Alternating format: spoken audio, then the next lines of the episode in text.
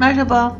Annenin Duygusal Yokluğu kitabından Yeteri Kadar İyi Anne bölümünü okumak istiyorum bugün.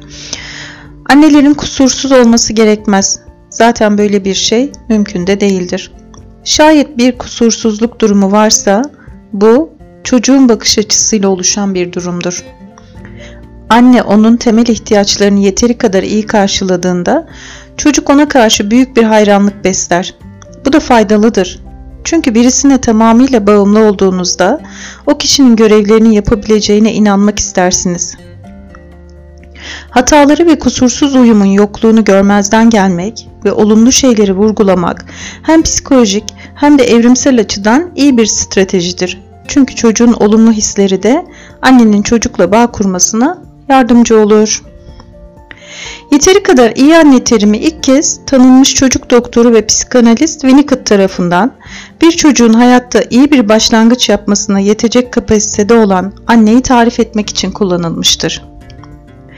Winnicott yeteri kadar iyi annenin esas görevinin bebeğe ayak uydurmak olduğunu ileri sürer. Yeteri kadar iyi olan annenin görevine, bebeğinin ihtiyaçlarına neredeyse eksiksiz bir şekilde uyum sağlayarak başladığını anlatır. Bu anne bebeği daha fazla sıkıntıya tahammül etmeye alıştıkça giderek daha az ayak uydurmaya başlayacaktır. Winnicott bebeğin tüm ihtiyaçlarını kusursuz bir şekilde ve anında tatmin etmeye devam eden bir annenin bebeğinin yeni davranışlar öğrenme, yeni beceriler geliştirme, gecikme ve sıkıntıyla başa çıkma ihtiyacından mahrum ettiğini ileri sürmektedir. Yakın tarihli araştırmalar annenin yeteri kadar iyi, iyi ebeveynlik sunabilmesi için çocuğuna %100 ayak uydurması ve orada olması gerekmediği düşüncesini destekliyor.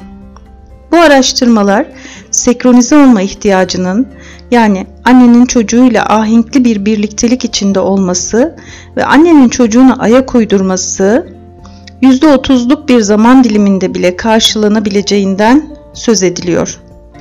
Psikoterapist ve yazar Diana Fossa şöyle diyor. Doğal olarak senkronize olabilme kapasitesi kadar hatta belki de ondan daha fazla önemli olan şey senkronize olmama halini optimal bağı yeniden kurabilmek için onarabilme kapasitesidir. Yeteri kadar iyi olan bir annenin günlük, günlük ilişkilerde meydana gelen o kaçınılmaz çatlakları onarabilmesi gerekir. Her zaman doğru davranamayabilir ama hata yaptığında bunu nasıl düzeltebileceğini de bilmelidir. Araştırmalar annenin çocuğundan bu tür bir yardım aldığını göstermektedir.